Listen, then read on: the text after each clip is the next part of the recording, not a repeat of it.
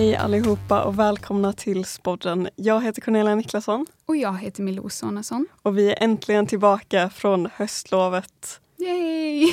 tillbaka i poddstudion. Ja. Och idag har vi en väldigt speciell gäst. Milou, vill du berätta vilken vår gäst är idag? Jo, vi frågade nämligen innan höstlovet vem ni skulle vilja att vi ska intervjua. Och eh, vår gäst är den som fick mest röster. Eller tekniskt sett så fick intervjua mig flest röster. Det Men var det var många lite som ville att vi svårt. skulle intervjua dem själva eller typ deras kompisar, Ja. eh, vilket kändes lite svårt att få till. Men här är liksom läraren som fick allra mest Exakt. röster. Men vi sparar såklart era förslag. Jag använder dem senare, så var inte oroliga. Men vår gäst i dagens avsnitt är Daniel Emmertz. Välkommen! Tack så hemskt mycket. Ska vi börja direkt med frågorna? Kör på. Ja. Eh, då undrar vi allra först, vilka ämnen lär du ut här på Spiken? Eh, Jag undervisar i samhällskunskap, historia och så har jag internationella relationer också. Vilket ämne tycker du är roligast? Eh, samhällskunskapen är roligast att undervisa i, Mm. utan tvekan. Eh, och då internationella frågor tycker jag är roligast att Mm. undervisa om i samhällskunskap. Eh, däremot så tycker jag ju, alltså historia som ämne är väl så roligt, men det är roligare att undervisa i samhällskunskap. Om jag ser filmer eller läser böcker eller så, så är det framförallt, eller oftast i alla fall historiska eh, ämnen eller delar. Eh, så det är lite olika, men just undervisande det är stor skillnad. Tycker jag. Mm. Vad är det som gör att det är så roligt att undervisa i samhällskunskap?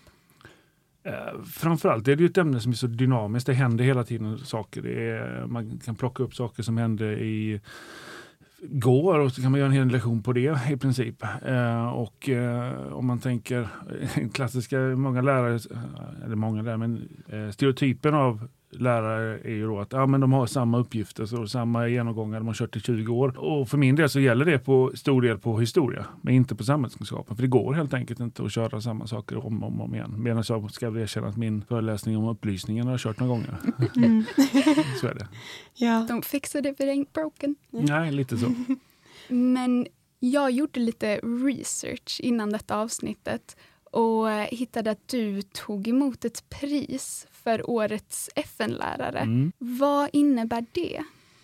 Ja, detta är ju många år sedan, var det 2015 va? tror jag. Mm. Eh, det var ett pris som FN-förbundet delade ut till lärare som jobbade med frågor specifikt riktade mot FN, kanske men allra mest egentligen ämnen som hade med FN att göra. Det kunde vara lite allt möjligt och inte bara att man kanske hade lektioner om det utan man gjorde någonting mer. Och på den tiden då så var det mycket med FN-spel såklart.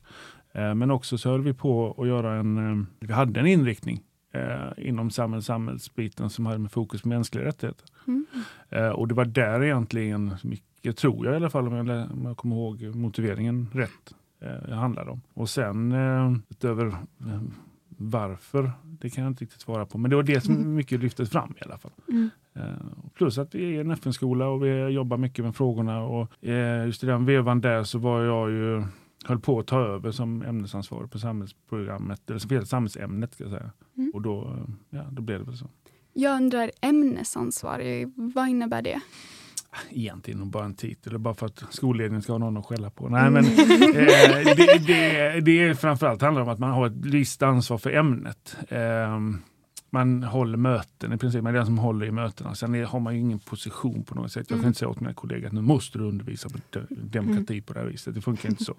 Utan det är mer liksom att man ja, håller vissa eh, praktiska trådar, har lite träffar med skolledning, har lite budget, att man köper in grejer och sådär. Så att, det betyder inte så mycket. Vem som helst skulle kunna genomföra det egentligen. Det är bara att det är jag som gör det på samhällsprogrammet, Mm. samhällsämnet. Men viktigt Ja. ändå. Men det måste ha varit väldigt coolt att få liksom ett pris eh, för att vara lärare. Det var ju enormt häftigt. Ja. Alltså, dels så att eh, man fick priset för att man gjorde något som man tycker är roligt och brinner för. Jag tycker mänskliga rättigheter är jätteviktigt och spännande att undervisa kring och jag tycker vi undervisar för lite om det generellt i svensk skola. Och, eh, vi är duktiga på det på Spiken, tycker jag vi kan göra ännu mer. Eh, så det var ju en viktig grej såklart. Eh, och sen så var det ju ja, det var lite ståhej och det var lite uppmärksamhet. Vi var, var på ett nationellt FN-spel uppe i ja, var det nu var någonstans uppåt landet. Så jag fick det priset där. Så det var lite, ja, det var roligt såklart. Och sen så fick jag chansen att åka till Genève eh, och var där eh, i tio dagar tror jag det var. Mm. Och besöka olika, tillsammans med flera andra såklart. Wow, vad coolt. Mm. Hur var det i Genève? Det var häftigt. Det var ju annorlunda. Eh, vi besökte många olika FN-institutioner och, och sådana saker. Så att det, var, det var spännande. Det låter ju Coolt. jättecoolt. Men du sa att du fick det här priset för några år sedan. Men hur länge har du jobbat på Spiken? Jag går in på mitt 17 år här nu. 17? Ja. Wow. Det är imponerande. Ja, I princip var det, blev färdig, eh, jobbade ett halvår ute i Vellinge, fick jobb här. Så att i princip har inte jag varit någon annanstans på Spiken undervisat. Du måste trivas väldigt bra här. Ja, men det gör jag såklart. Ja. Eh, annars hade jag ju flyttat på mig. Eh, så att eh, det finns ju, jag brukar säga att det finns få skolor i, i eh, den här delen av Skåne som jag skulle, utanför Lunds kommun som jag skulle kunna tänka mig jobba på. Mm. Eh, Det känns som att många lärare har jobbat på Spiken väldigt länge. mm, Mm.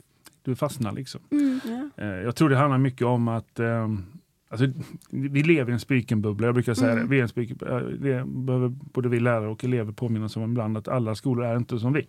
Mm. Vi har duktiga elever, vi har motiverade elever till allra största del. Och även om man inte är 100% motiverad så gör man ofta sitt bästa i alla fall. Utifrån de förutsättningar man har. Jag kan ju ha en lektion, ge ut en uppgift, gå därifrån, komma tillbaka 20 minuter senare och då eleverna jobbar med uppgiften. Mm. Det är inte många skolor som man kan göra det på. Det ska man vara väldigt medveten om. Mm. Eh, Så att skulle jag byta skola så är det av andra anledningar än att eleverna inte är trevliga i alla fall. Mm. Men jag håller med. Jag tycker Spiken är en väldigt speciell skola. Men att det är en väldigt ambitiös eh, miljö skulle jag Mm. säga. Mm. Eh, och att det är mycket eget ansvar skulle jag också säga att det är. Att det är mycket att man får, att man får mycket tillit från lärarna. Mm. Det tror jag är Alltså, jag, jag är helt övertygad om att det är eh, det receptet som funkar bäst på unga vuxna människor som ändå är har någon form av tanke vad man vill göra med livet. Sen behöver man inte vara säga jag ska bli läkare, jag ska bli lärare, jag ska bli, eh, jobba i, i, på bank. Det är inte det det handlar om, utan man, att man vill vidare någonstans. Och Får man då den här möjligheten att prata eh, med, med likasinnade och man får möjlighet att ha det här ansvaret eh, så växer du jättemycket med det. Eh, Sen behöver, behöver vissa lite hjälp på vägen och vissa behöver mindre hjälp på vägen. Som en ung vuxen håller jag med. Det, det funkar oftast bäst när man får liksom, ta sitt Mm. eget ansvar. Jag brukar säga att nu, nu är ni, ni är nästan vuxna. Jag, jag, jag kan inte bestämma allting till er. Ni får faktiskt ta, ta det beslutet Mm. själva. Ni får ta det ansvaret själva. Ja. Eh, Men det är någonting som är väldigt viktigt att lära sig, speciellt i min och Milous ålder i alla fall. Mm. Eh, Att kunna ta sitt eget ansvar och kunna ta hand om sig själv. Mm. Behandlas man som en vuxen så blir man mer vuxen. Ja, det är vår eh, inställning i alla fall. Ja. Det kanske inte alltid är sant, men det är vad vi tycker. Men ska vi gå över till våra Instagram-frågor i sådana fall? ja, vi fick många Instagram-frågor. Så Hjälp. att, eh, ja, det, men de var intresserade av att höra vad du ville säga. Ja. Vi har såklart inte tagit alla Instagram-frågor för det hade blivit Eh, Ja, långt avsnitt. men eh, vår första Instagram-fråga är varför valde du att bli lärare? Jag bestämde mig redan, jag sa det när jag var 14-15 att jag ville bli lärare. Och då hade jag en högstadielärare som, som heter Håkan Galme. Han sa så här, nej för fan bli inte det. lönen är, är sämre och vi har inga lov längre. och allt. Alltså, han var ju 65 då kanske. Ja. Så redan då visste jag att jag skulle bli lärare. Och framförallt, det är inte för att jag var så duktig i skolan, långt därifrån. Det var knappt jag kom in på lärarutbildningen. Uh, här, jag kom in som reserv. Uh, på gymnasiet hade inga kanonbetyg på något sätt. Hade bra i samhällskunskap, historia, idrott. Mm. Resten var väldigt mediokert. Men jag har alltid trivts i skolan, tyckt det var kul i skolan. Uh, inte plugga, det jag kanske inte tyckt var roligt. Men alltså, det här sociala sammanhanget, att träffa folk, prata med folk. Alltid kunnat föra mig i skolan på olika sätt. Så att jag trivdes där. Mm. Så det var egentligen främst anledningen. Nästa fråga är någon som undrar vilken är din favoritklass? Oh, det är en sån klassiker. Då får man alltid, ah, visst är vi bättre än din förra klass. eh, man, jag tycker inte man kan säga så heller. Det låter nästan lite löjligt diplomatiskt. Men jag tror inte en lärare tänker så. Nej. Att man Mm. tänker inte att det här är min favoritklass, det här är min favoritelev. Man kan inte tänka på det viset. Det går liksom inte. Eh, man går in och jobbar gör så gott man kan under de förutsättningar som är. Sen är det vissa klasser som man klickar bättre med, självfallet. Men det, har inte om något, det handlar inte om att man tycker om någon mer eller mindre, utan det är att man funkar bättre Mm. med, med vissa klasser. Och sen ska man också klart för sig, en klass är 32 elever. Mm. Då kanske klickar med 22. och inte klicka med 10. Mm. Eh, så man kan inte heller sätta en klass. Så, Ja. så att eh, tråkiga svaret är att jag har ingen favoritklass. Eh, jag eh, trivs bra med alla mina klasser och alltid gjort det egentligen. Det är väldigt få klasser som jag haft här under de här åren som jag inte har funkat med tror jag. Eh, I alla fall som jag, som jag själv känner. Mm. Eh, Sen har det förstås varit elever. Det är självfallet, det har ju hänt. Att man inte riktigt har samma sätt att tänka eller förstår varandra helt enkelt. Mm. Så det, det, händer, det händer. Ja. Mm. Men det var ett väldigt bra diplomatiskt... Mm, det var ganska, Ja. väldigt diplomatiskt va? Ja, Samhällskunskapslärarsvar. ja, Ja. verkligen. Exakt. Men det är bra. Ingen favorisering från Daniel. Nej, men här är en, en väldigt specifik fråga. Vad är det bästa sättet att dra ett skämt för en klass så det blir mer engagerade under lektionerna? väldigt Mm, specifikt. det var väldigt specifikt. Bästa sättet. Mm. Jag, jag tror att det här, den frågan kommer av att jag har en tendens att försöka vara rolig med dem. Ehm, och eh, ibland är det på andras bekostnad ska jag erkänna det. Och det, det blir ofta ganska roligt det också. Men eh, jag tror att en, eh, jobbar man som en person, i mitt fall lärare som är då med framför 30 personer, så måste man hela tiden ha, jobba i olika tempo. Eh, och man måste prata i olika tempo, måste höja rösten och man sänker rösten, prata olika fort olika snabbt. Och då är det lite grann så här, då får man med sig många. Men det är också ganska vanligt att många efter ett tag zonar ut. Och det är då det man, det man börjar slänga in det här skämtet eller den här dumma grejen. Man berättar något dumt om sig själv. Herregud, jag har berättat så mycket dumma saker om mig själv i klassrum. Så så och det, det, det skapar ju intresse. Sen om det skapar engagemang, jag vet inte. Men det är i alla fall ett steg på vägen. Alltså man får försöka få med sig så många som möjligt. Jag har, vet, tror inte jag har något bästa sätt. Det får någon fråga mina klasser om. De, tror jag. De, de har säkert massor. Du säger alltid på det sättet eller gör alltid på det sättet. Det är mycket möjligt. Men jag tror att det skapar engagemang på ett Ja. sätt. För att om, man, om någonting är väldigt monotont så är det väldigt lätt att man zonar ut. Eller jag har en tendens att zona Mm. ut. Eh, speciellt när jag är trött eller har haft många lektioner. Eh, men man kommer ihåg lektioner som är lite roliga Mm. lättare. Vi har ju vår kompisgrupp så eh, brukar vi typ citera eh, roliga saker som våra lärare har sagt. För man kommer Ja. ihåg det. Det blir Ja. mycket, saker fastnar lättare. Ja, det tycker jag också. Men jag håller med att det är, det, jag tycker alltid att det är lite roligt när lärare berättar eh, bara någon så här liten Mm. detalj om sig själva. tycker jag alltid är väldigt roligt att höra på. För då får man liksom en inblick av Ja. lite deras humor. Det blir det är en liten krok att hänga upp kunskapen på. typ. Mycket lättare att komma ihåg. Vilken fin metafor. Tack, jag snodde den från en lärare. Men perfekt, Mm. då har du- Jag, hon sa alltid det. Det är min gamla mattelärare från högstadiet. Mm. Så det funkar. Sitter kvar. Mm, det Ja. sitter kvar. Men nästa fråga är någon som undrar varför hatar du dansband? Mm. Eh, det är också sån här, eh, det finns ju vissa frågor som man alltid får. Och det är Mm. jättespännande för alla elever tror att ni är så unika. Men det är inte ni. Nej. men har hört alla saker så många gånger. Ja. Och då får man, ja, lyssnar på för musik? Och grejen är att jag har ingen musiksmak. Mm. Jag tycker inte musik. Eh, jag lyssnar på musik eh, när jag lagar mat, jag sitter i bilen. I princip annars aldrig. Jag har aldrig varit riktigt så musikintresserad. Men utan någon anledning är det viktigt vilken musik man tycker om. Då får jag ofta dels får jag frågan, får jag lyssna på musik på provet? Då brukar jag säga, ja, det- om det är bra musik får du lyssna, annars får du inte lyssna. Ja, vad är bra musik då? Nej, men vad ska du lyssna på? Ja, jag ska lyssna på det och det. Ofta vet inte jag vad det är. Ja, men det går skitbra. Men, men då säger jag ofta någon som frågar, ja, men vad är dålig musik? Ja, men det är dansband, för det tycker jag faktiskt inte är bra. Jag tycker det är mm, det kliar i kroppen när jag hör dansband. Mm. Jag gillar inte det. Nej. Sen varför vågar jag inte svara på. Jag var hårdrockare när jag gick i gymnasiet det kan bero på det. Det är ganska långt Ja. ifrån eh, från, från hårdrock. Ja. Verkligen. Nej, jag kan nästan hålla med. Jag tycker inte, det här kanske blir lite kontroversiellt nu, men alltså jag tycker dansband är ju inte mitt favoritgenre kan jag säga. Va? Säger du det Cornelia? Instinktiv fysisk reaktion. Ja, Mm, det var Ja. klia på kroppen. Mm, precis. ja nej, men Ja, ja, verkligen. ja. Och vi kommer förlora så många lyssnare efter det Ja, här. herregud. Alla dansbandslyssnarna. Kommer få arga mejl. Får aldrig några mejl, men nu kommer vi få mejl. Ja. Vår nästa fråga är, vad är ditt favoritcitat av Nelson Mandela? Eh, oj, det är ju jätte, jättesvårt. Jag är ju en citatmaskin. Liksom. Mm. Han är ju utan tvekan min favoritperson. Mm. Alla kategorier av alla människor som någonsin levt på hela jorden. Mm. Ehm, utav flera olika anledningar. Johan har ett som är faktiskt ganska bra. När, ungefär så här, nu får ni ta det med en nypa salt, ungefär så, med, och när vattnet börjar koka är det, är det dumt att stänga av, el, stänga av värmen. Typ något sånt där. När vattnet börjar koka är det dumt att stänga av värmen. Jag tror, det så har en samband med just alltså, ANC-rörelsen och motstånd mot apartheid och så vidare. Mm. Eh, Jag tror han menar lite grann det här att när det börjar bubbla, börjar hända saker. Det är då det, det, är, då det är verkligen det är viktigt. Det kan, vi måste, kan inte bara stänga av det. Då får vi fortsätta och se vad det leder. Så tolkar jag det i alla fall. Så det får bli då. Så det är det enda jag kommer på.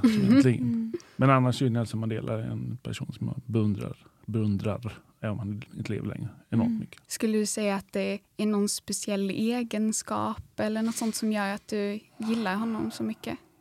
Ja, men alltså jag tror att det ligger lite grann latent bakåt. Att när han blev frikänd då, eh, frisläppt då i början av 90-talet så var jag 10-11 år gammal. Jag vet jag såg det på tv och tyckte det var jävligt coolt. Han fick Mm. lov att komma ut där med frun Winnie Mandela jämt. Eh, och sen eh, man blir lite äldre så, alltså en person som sitter 27 år i fängelse för någonting han tror på, blir misshandlad varje dag, blir förnedrad varje dag, vet om att människor som man älskar har det fruktansvärt där ute. Och så kommer man ut efter 27 år och säger nu ska vi se till att rätta till det här. Nu, eh, vi kan inte vara arga för att vi har blivit liksom, diskriminerade i så många år. Utan vi måste ta ett steg framåt. Vi kan inte bara titta bakåt, vi måste titta framåt. Det är imponerande tycker jag. Jag är ganska övertygad om att jag inte hade betett mig på det viset. Mm. Mm. Så det är häftigt tycker jag, just den biten. Och allting han gjorde, liksom, han kom till makten. Sen var inte han perfekt långt därifrån. Gjorde, både gjorde och sa och betedde sig illa. Han också är inte mer människa. Man ska inte glömma bort att han var klassad som terrorist fram till han fyllde 90. Oj, så Ja. länge? Mm. Då blev han utav USA. Så han var inte perfekt men han var, mm, i mitt sätt så är det häftigt. Jag har besökt Mandela-museet i, Sy eh, i Sydafrika, Johannesburg och även eh, apartheidmuseerna där. Mm. Eh, Och det är eh, ganska extremt man tittar på det. Mm. Mm. Jag har tyvärr inte varit ute i fängelse men jag har tatuerat namn Oh. och fångnummer på armen. Det är en person som jag beundrar. Ja. Jag tänker att vi tar vår sista Instagram-fråga nu. Ja, det gör vi. Det är någon som undrar, vad är din åsikt om emos? Om emos? Ja, lite ämnesbyte Mm. du Ja. vet. Som Mandela till emos. Har jag någon åsikt om emos? Nu är det kanske jag som vargar åt mig, det vet jag inte. Men så som jag ser det så människor som är emos är människor som mm, gärna har ett, ett uttryck, vill uttrycka sig på ett visst sätt. Mm. Eh, och gör det. Och det tycker jag är, det är imponerande. Sen tycker jag alltid det är lite coolt med det svarta och lite, Mm.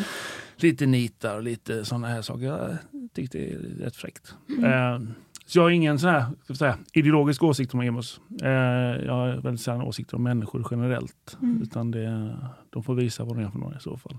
Men jag kan tycka klädstilen och attityden kan jag tycka är häftig. Det kan jag Ja. också hålla med om faktiskt. Vi båda var på väg att säga exakt samma sak. Exakt. Vi...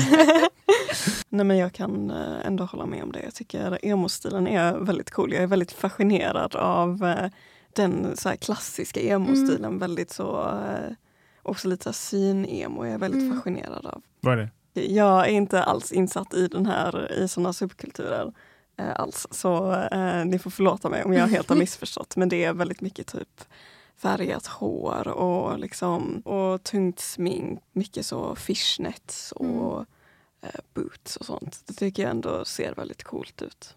Mer färgglatt. Mm, Ja, syn-emos är Mm. mer Mm. färgglada vad jag har förstått i alla fall. Mycket starka färger och sånt. Ja. Det var typ poppis eh, tidigt 2000-tal tror jag. Nu uttalar jag mig här utan att riktigt, nu killgissar jag lite. Men jag tycker också om subkultur. Ja. Jag gillar bara så här, när folk använder kläder för att uttrycka sig själv generellt. Mm. Jag tycker det är lite så här häftigt. Men jag tycker det också jag tycker det är väldigt fascinerande med liksom kreativitet som uttrycks i kläder. Mm. Ja. Nu fick ni vår åsikt på Ja. också. Vad bra. Varsågod, nu sitter vi och babblar också. Ja, men det var alla våra frågor till dig i Mm. alla fall. Det var inte så Eh, farligt. Ja, det var inte så hemskt. men det har väldigt, varit väldigt kul att intervjua dig. Ja. Det, fick reda på mycket saker. Både från Mandela till Mhm. emos. Eh, men ska vi ta och avsluta? Det gör vi. Vi skulle vilja tacka dig jättemycket för att du ville vara med. Eh, Det var jättetrevligt. Roligt att intervjua någon lärare som vi inte kände sedan innan. Det Ja. har vi inte riktigt gjort än. Nej, Vi har inte vågat. Var jag farlig då? Nej. Nej inte alls skulle jag säga. skönt. Mm. Ja. Eh, och för er lyssnare som fortfarande är kvar, om ni vill mejla oss så eh, är vår mejl sporten.spiken.gmail.com. På Instagram heter vi atspodden.podcast. Hej då allihopa! Tack för att ni har lyssnat. Hej då!